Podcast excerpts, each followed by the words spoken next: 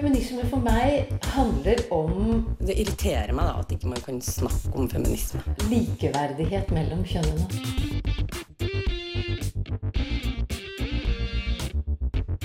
Det blikket på kvinnen på film. Det handlet om å bli tatt på alvor som jente.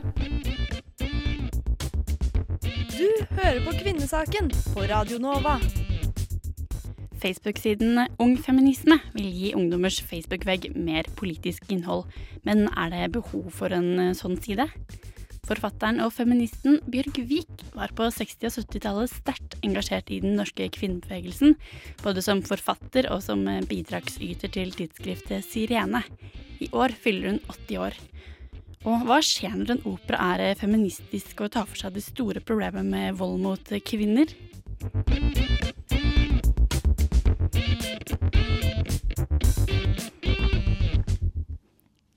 Du hører på Kvinnesaken Rett og slett. på Radio Nova. Radio Novas feministiske program. Eller Alibi. Alibi. Til og med. Ja, til og med. Og her i studio så hører du meg, Eline Hystad. Og Linda Therese Rosenberg. Og vi skal holde deg i selskap med selskap i en hel time med alt mulig fra feminisme. Ja, vi går litt tilbake dit. Ja. eh, Til sånn 70-tallet-tiden. Og eh, så skal vi være litt sånn i nåtiden. Mhm. Og det er Det spennende er jo at det er en rød tråd på et vis. da. Det er likheter eh, 40 år tilbake i tid og i dag. Ja, det er det. Tiden eh, gjentar seg selv. Ofte, sånn som man pleier å si. Og vi vil jo med Kvinnesaken, dette feministiske programmet, prøve å finne ut litt av hva feminisme kan være.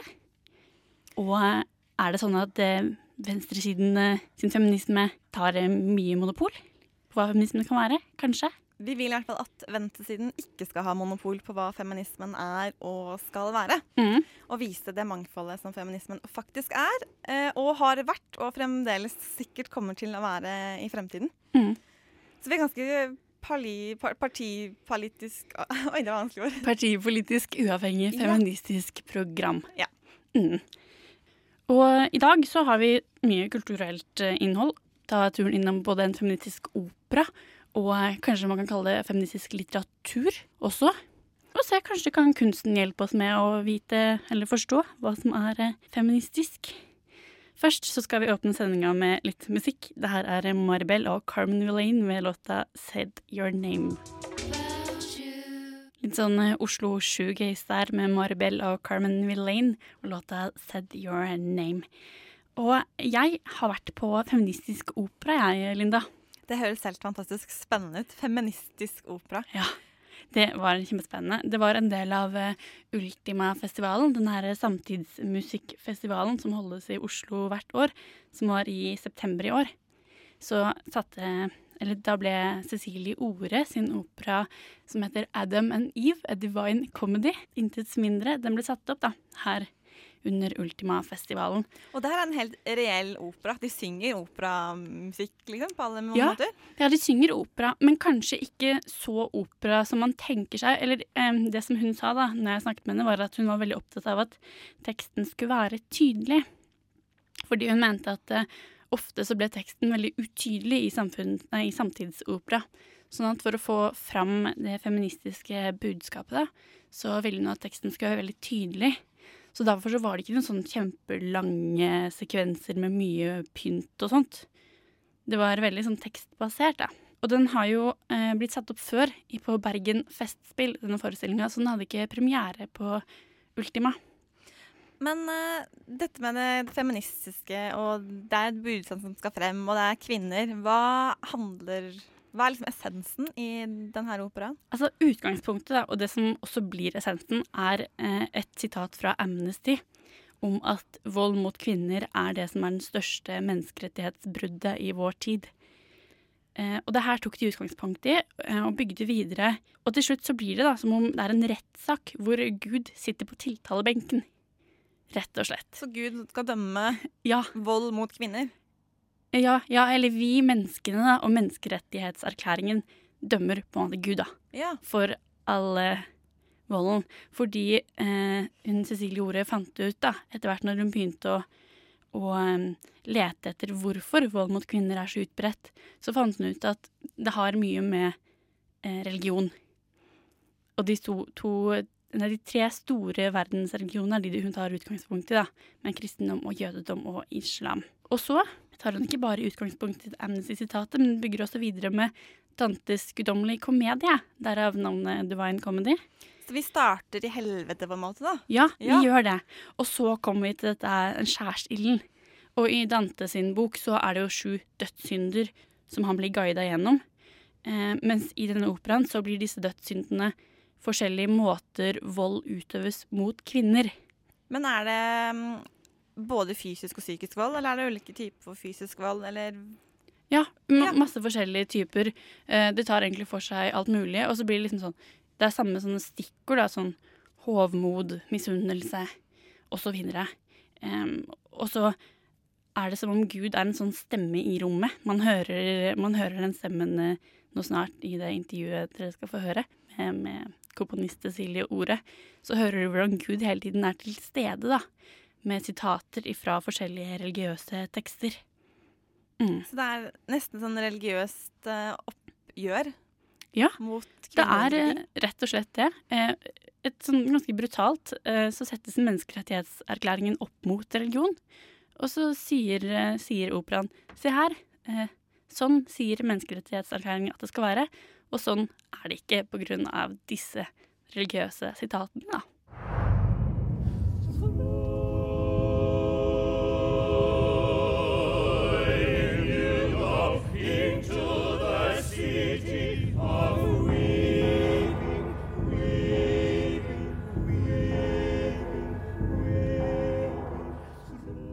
Utgangspunktet var egentlig et sitat fra Amnesty. Eh, som de har uttalt at eh, vold mot kvinner er den største menneskerettighetsskandalen i verden i dag. Da, jeg, da var jeg nettopp ferdig med en opera om dødsstraff, hvor vi bare hadde menn på scenen. Så da eh, kunne jeg tenke meg å gjøre noe i forhold til vold mot kvinner. Da. Og mm, det var hovedutgangspunktet. Og så begynte vi selvfølgelig da, og jeg har jobbet med teksten sammen med Bibi Moslet, som er dramaturg og, og librettist. Og vi begynte jo da med en gang å gjøre research, og da fant vi jo veldig fort ut at her måtte vi ta fatt i religiøse eh, dogmer.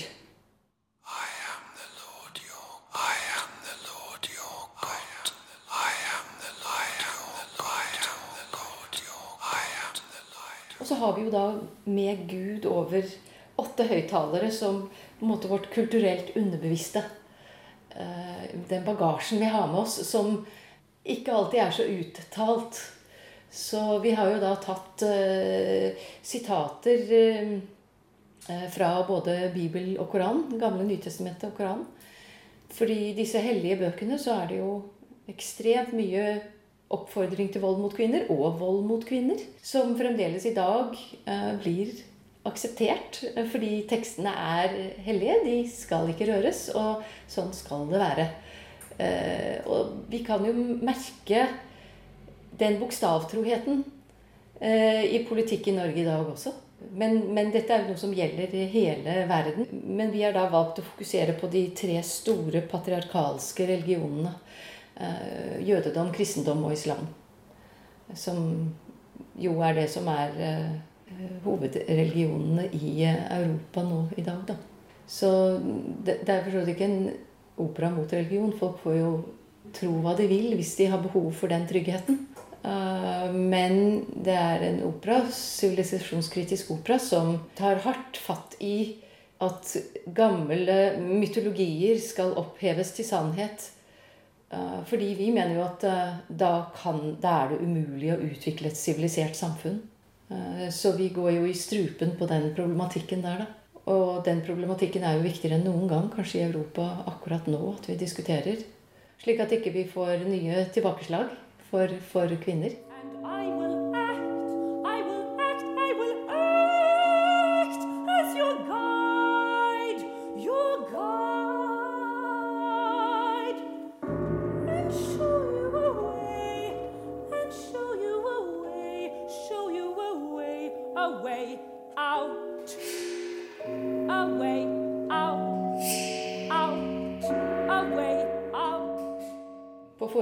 Bergen så lo jo folk høyt.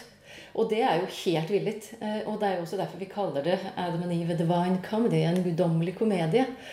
Eh, fordi det er latterlig at vi i dag eh, lener oss på gamle, utdaterte religiøse dogmer. Når vi har en menneskerettighetserklæring som faktisk sidestiller mennesker, og, og hvor mann og kvinne skal være likeverdige. Men de er det jo ikke enda. Ikke på noen områder. Verken hva gjelder vold, hva gjelder økonomi, lønn, altså hva gjelder omskjæring, hva gjelder eh, voldtekt. Eh, vi, vi, vi, kan jo ikke bli likeverdige eller likestilte før menn slutter å voldta kvinner, f.eks. Eh, eller æresdrap. Eller trafficking, altså prostitusjon, eh, prostitusjon i form av eh, at kvinnen blir handelsvare. Mm. Så nesten ved å, si det, ved å, si det, så tydelig, så blir det på en måte bare komisk. da, Fordi ja. det, er så, det, er for dumt. Ja, liksom. Og vi ønsker faktisk å, å, å, gjøre det så utrert at folk eh, Å samle på en måte alt på ett brett. Eh, så vi ønsker ikke å følge én tragisk kvinneskikkelse. Vi ønsker bare å se mengden av kvinneforakt som er i samfunnet i dag. Og det er jo den mengden som gjør at man bare til slutt gir seg ende over. ikke sant? Fordi at det er jo først når man får alt på ett brett, at man ser hvor omfattende det er. You are ungrateful to your husbands, husbands, husbands, and to the favors and the good done to you. Men Kan man kalle det en feministisk opera, da? Ja, jeg mener man kan det. Ja. ja. Hva er feminisme for deg, da? Feminisme for meg handler om uh, likeverdighet mellom kjønnene. Og um, så lenge det fremdeles er så mye vold fra menn mot kvinner i verden i dag, så må vi uh, både uh, fortsette en feministisk dis disputt, sånn at vi kan bli, mm, bli kvitt denne type volden. Eh, fordi eh, altså, gjør, vi ikke det, så, så, kommer vi aldri til å, å, få et likeverdig forhold til menn. Det var eh, Cecilie Ore som har laget operaen 'Adam and Eve', det var en comedy, som har snakket om nettopp denne operaen. Og vi snakka litt om hvordan, hvordan den tar utgangspunkt i dette politiske med Amnesty. Og en ting som også For vi får jo veldig det historiske her hvordan religion og eh, religion har stått opp mot eh, kvinner da, eh, gjennom historien. Men noe som var veldig fascinerende På veggene så hang det sånne tekstplakater hvor det sto forskjellige ting. Som for eksempel jeg er, skikkelig dårlig på fransk, så jeg lurer på om jeg skal si det på norsk. Frihet, likhet Altså vet jo de fleste hva disse ordene er på ja. fransk. Og Beyoncé. Så det var egentlig Det var ikke sånne fra religiøse tekster. Det var mer sånn fra Nå, samtidsfeminismen, da. Ja. Og for eksempel sånn Bring Back Our Girls og uh, Min kropp, uh, mitt valg. Uh, så på den måten så bandt hun, uten å si det eksplisitt, da, sammen vår tids feminisme og dette mer sånn eldgamle, da, egentlig, problemet. Det var veldig fascinerende. Det høres veldig veldig kult ut, i hvert fall. Å blande, ja, blande alt sammen. Fordi mm. religion er vel ikke alltid så veldig politisk. Det er kanskje litt mer sånn politisk korrekt å ikke være så kritisk til Ja, det er, det er jo litt sånn øh, problem der. Skal man øh, Det er vanskelig terreng å bevege seg i, da. Men det er vel litt sånn som hun sier, at øh, det er helt greit at folk er religiøse, men, men vi peker på problemet, da. Det er faktisk reelle hindringer men ja, altså, det blir jo veldig, en veldig sånn politisk opera, eller politisk kunst. Og så beveger det seg også over til å dreie seg om vår samtid. Eh, og så klarer hun å, å, få det så utrolig tydelig, da. Og det fascinerer meg veldig. Sånn som når hun snakket om det her at man, eh, man begynner å le. Det er mange publikum som faktisk ler høyt. Og det er jo rett og slett Når de ser det her? Ja. Og det er rett og slett fordi det er så tydelig, da at det man tenker som publikum, og som jeg også merka at jeg tenkte, er sånn Det her er rett og slett for dumt.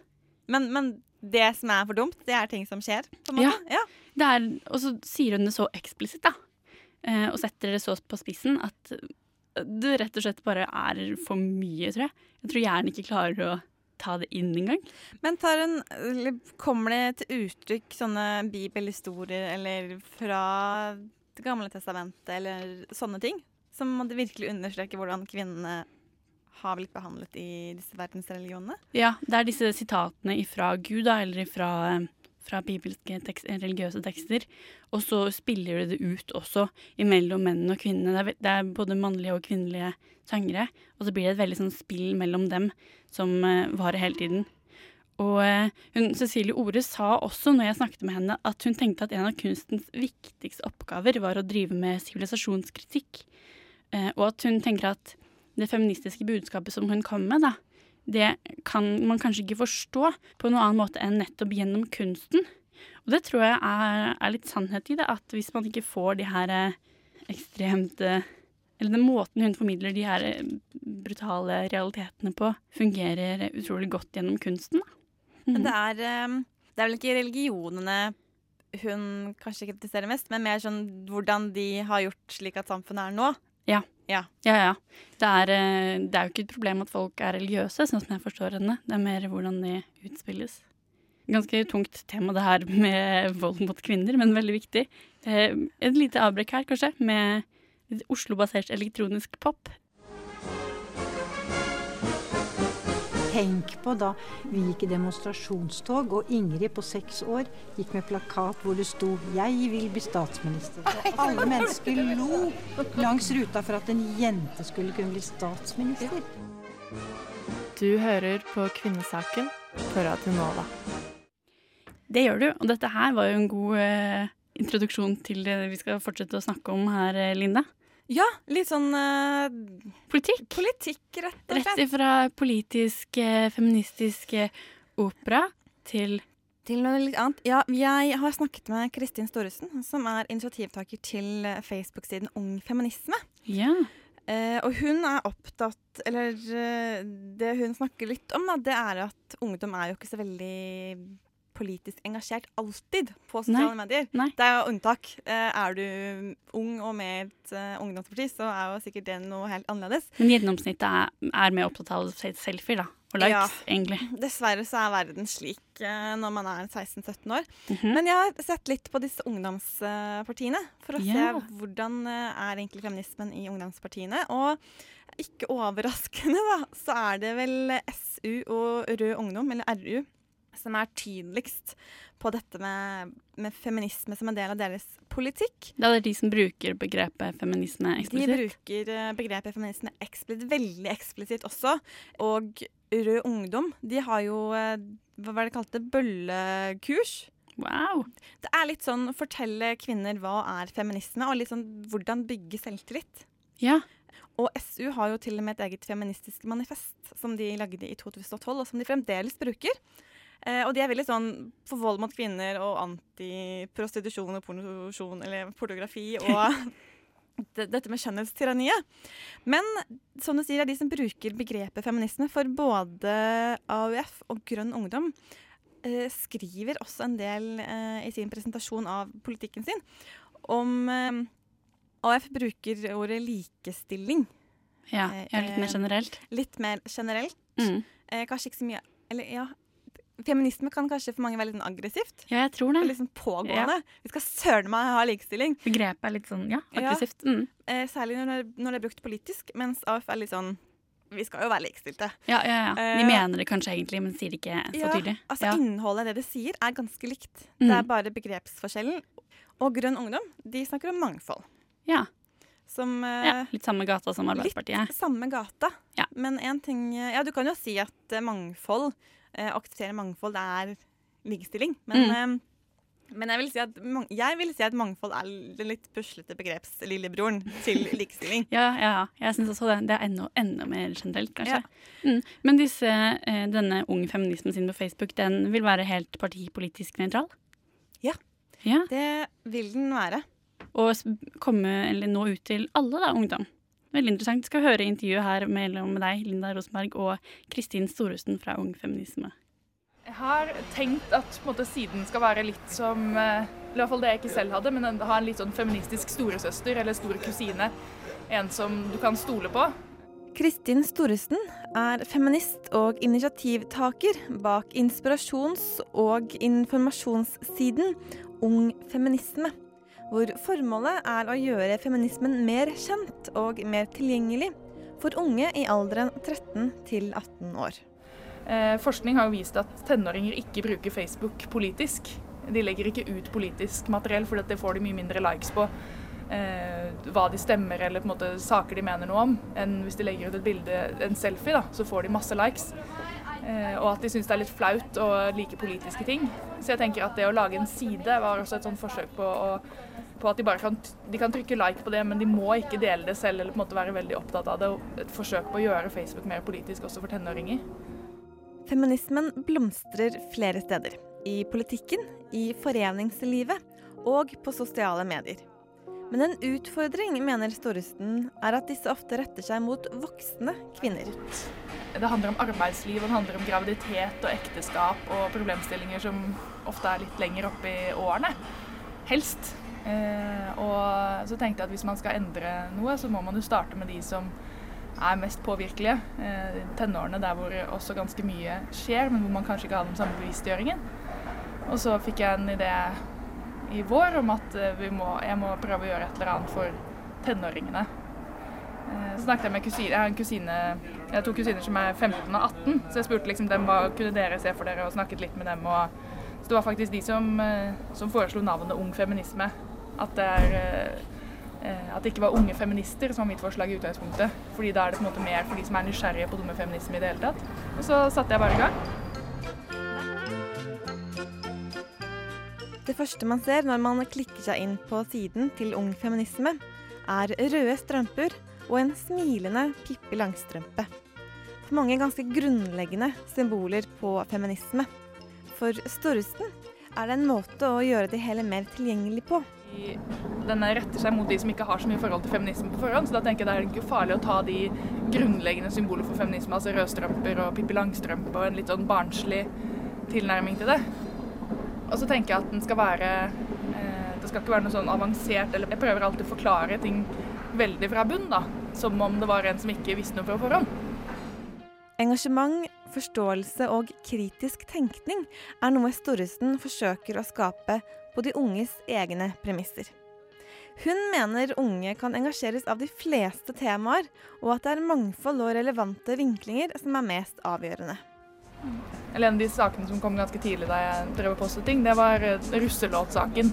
Eh, da det var på en måte alt dette her med disse russelåtene som var forferdelig kvinnefiendtlige. Eh, hvor jeg kjente at hvis jeg bare legger ut disse her nå for, for å si se så grusomme de er, så skaper vi bare mer oppmerksomhet. Vi skaper ikke mer kritisk tenkning eller forståelse rundt det. Og så tok det jo heldigvis bare et par dager før det begynte å komme noen tenåringer som selv la ut innlegg på det. Og da kunne jeg på en måte legge ut det innlegget og vise dette er en måte du kan tenke om det. Fordi jeg tenker at ungdom blir jo ikke påvirket av at det, står, at det er 40 år gamle damer som mener noe om en sak. Man trenger på en måte å få en vinkling som ligner på en selv. da. Så tenker jeg at den har nok en slagside veldig på kvinnepolitikk. Eh, og det tenker jeg at likestillingspolitikk trenger jo ikke bare å handle om kvinner. Men kanskje for, for den aldersgruppen så, eh, så blir mye av sakene jente, jentesaker. Altså i utlandet så er det ofte jentesaker.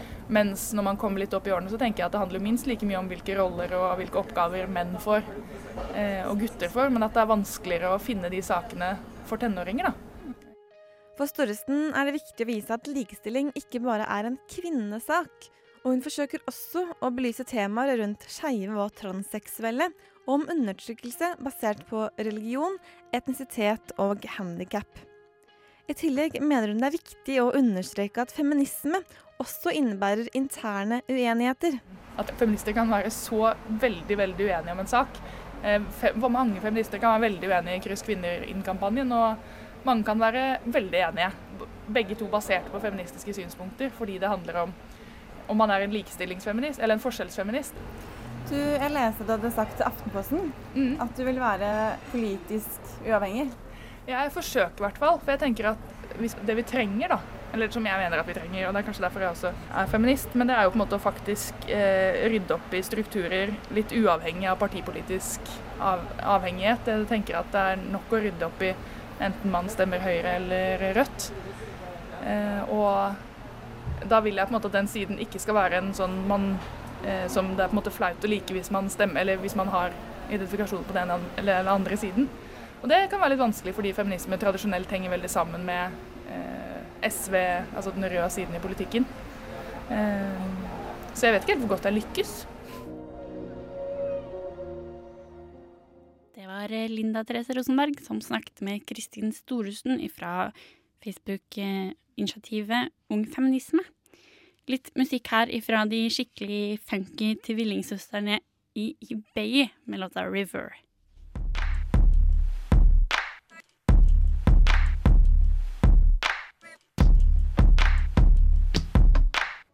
Det var eh, tvillingsøstrene i Bayer. vi hørte der med River.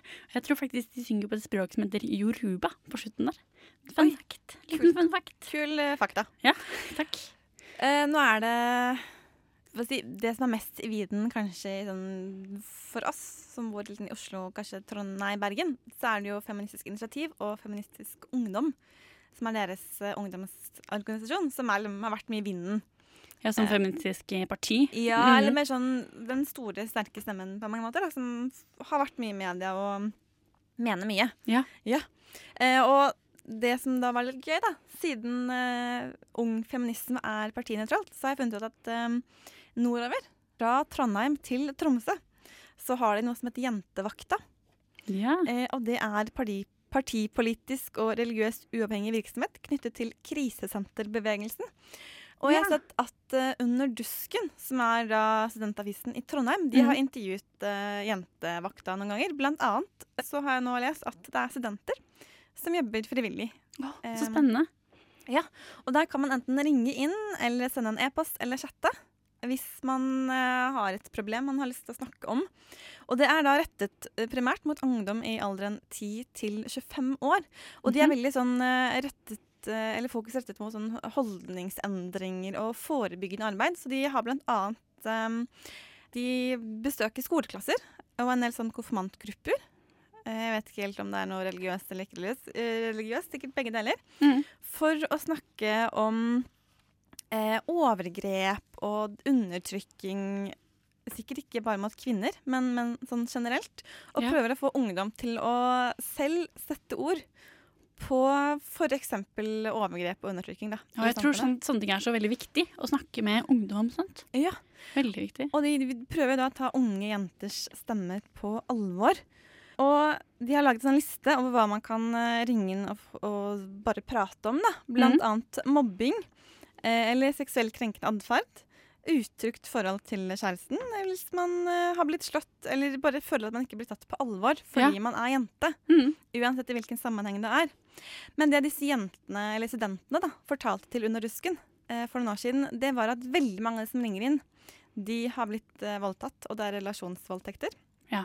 Og de vet ikke selv at de har blitt voldtatt. Nei, nei, de bare nei. har enorm sånn dårlig følelse, Ja. og så prøver du å unnskylde overgriperen. Ja, ja, det blir liksom Stockholm-syndrom-aktig der, tror jeg fort. Ja, og så sitter de der og må liksom nøste opp og si at vet du hva, det er helt legitimt å Ja. seg som en dritt. Eh, det er ikke din skyld.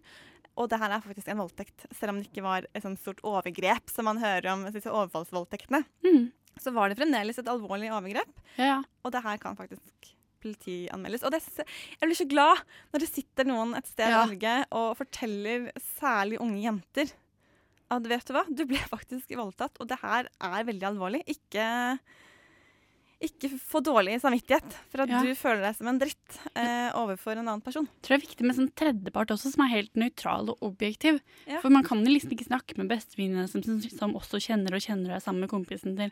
Sånn blir helt umulig. Og å snakke med mamma og pappa også blir veldig Ja, vanskelig. og så skriver de på nettsiden sin at de som eh, jobber frivillig, og som mm. tar telefoner og svarer på e-poster og, og på chat, det er eh, først og fremst kvinner mellom 18 år og 35 år. Så det er unge voksne. Det er kanskje lettere å snakke med en fremmed dame som man vet er ikke så mange år eldre, eller Ja. kanskje jevngammel, Ja, ja. enn en helsesøster som er kanskje i 50-årene. Ja. Men med den eh, telefontjenesten her, da, med jentevakt, så passer det godt med den låta vi skal høre nå, som heter Han i han av eh, Dolce. Kanskje den fineste høstlåta som er laga noensinne. Radio Nova, FM 99,3 og radionova.no. Mhm, Du hører på Kvinnesaken på Radio Nova. Med Eline og Linda. Ja, her i studio. Her i studio. Og nå skal vi snart få høre litt om forfatteren Bjørg Vik. Og henne Ja. hadde jeg nesten ikke hørt om i det hele tatt.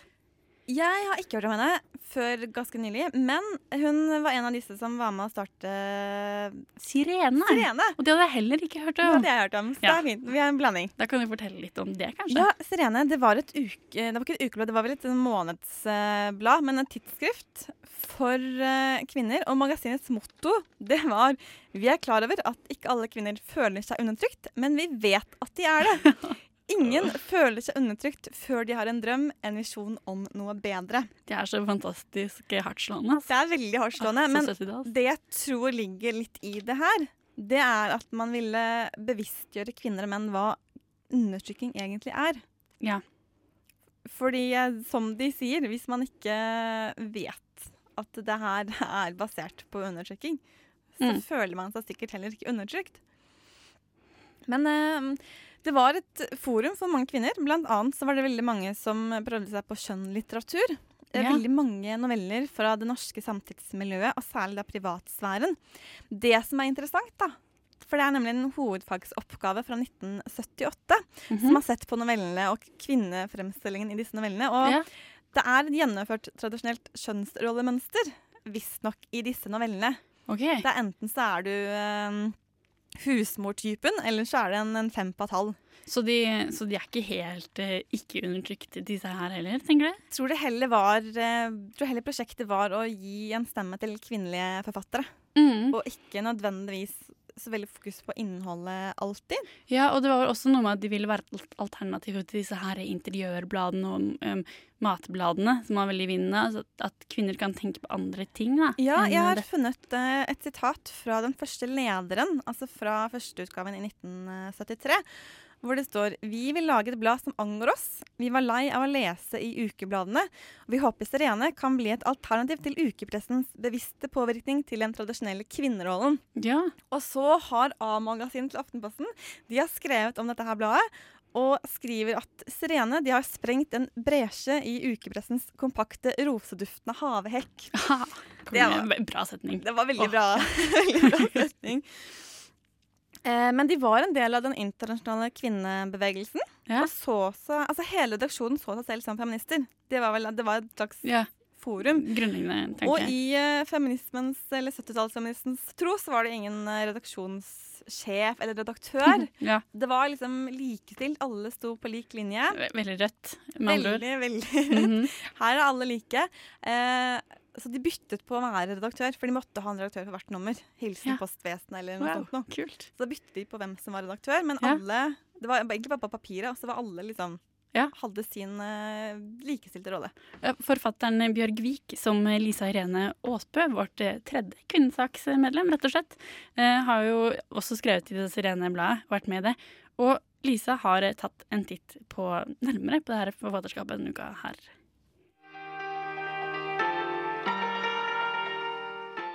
Bjørg Vik. Kanskje en av Norges fremste feministiske forfattere gjennom tidene.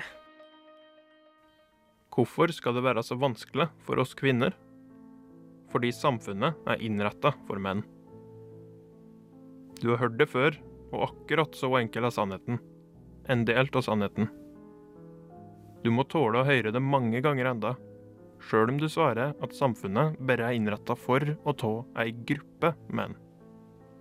Omtrent ingenting er innretta for oss kvinner, bortsett fra ekteskapet.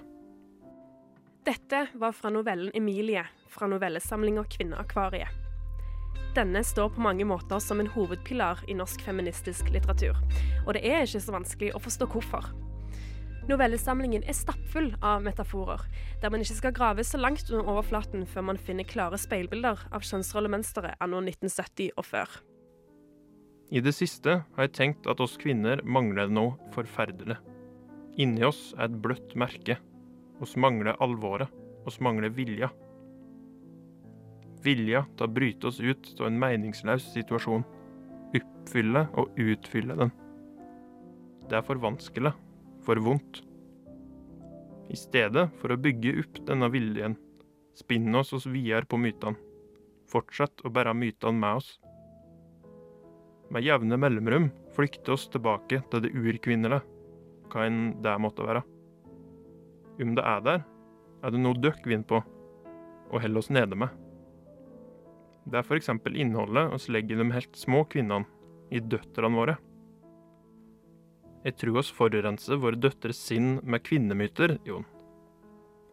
Oss opplevde dem ikke som individer på samme måte som gutter.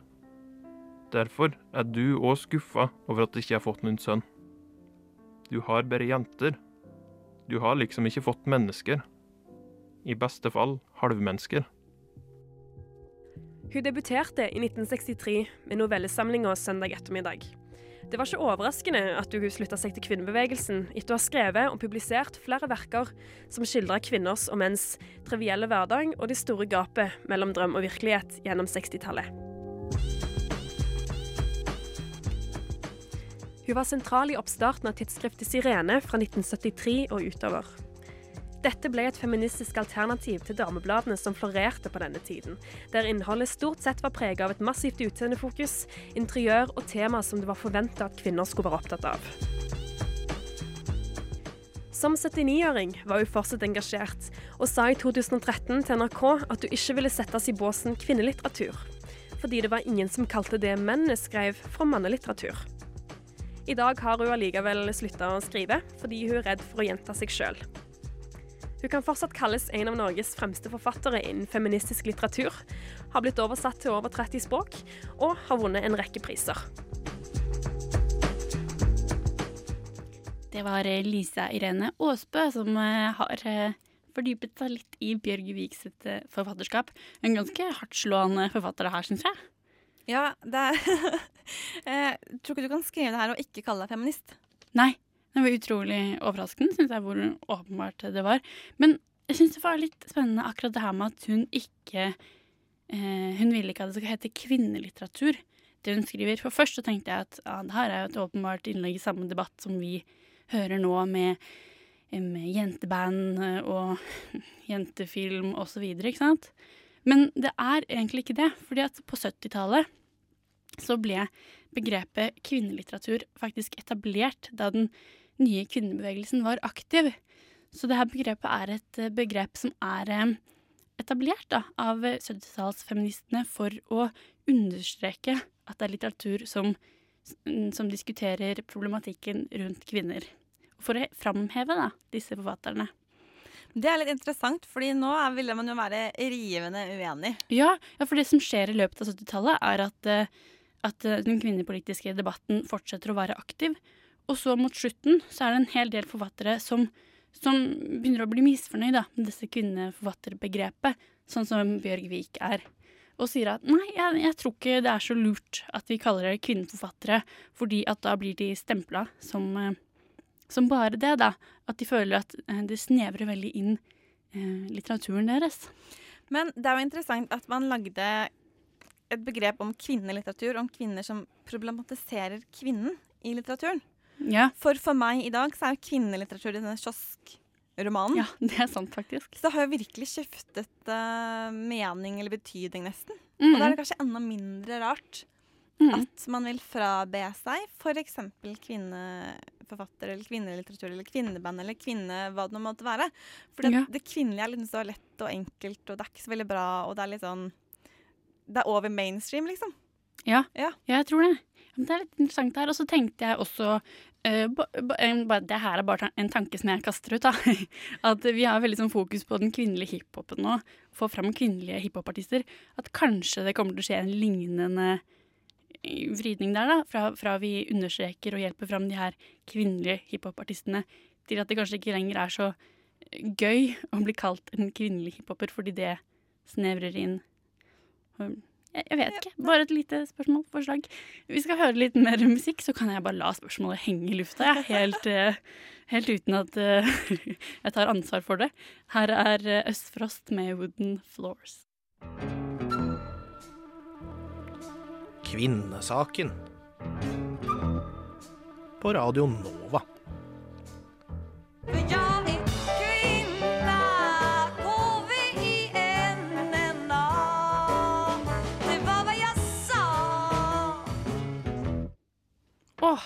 med den megacatchy låta, så er jo vi faktisk på slutten vi, av sendinga vår. Det er faktisk. Lill Lindfors på slutten her. Hvem skulle tro at hun var så Er det det? feministisk?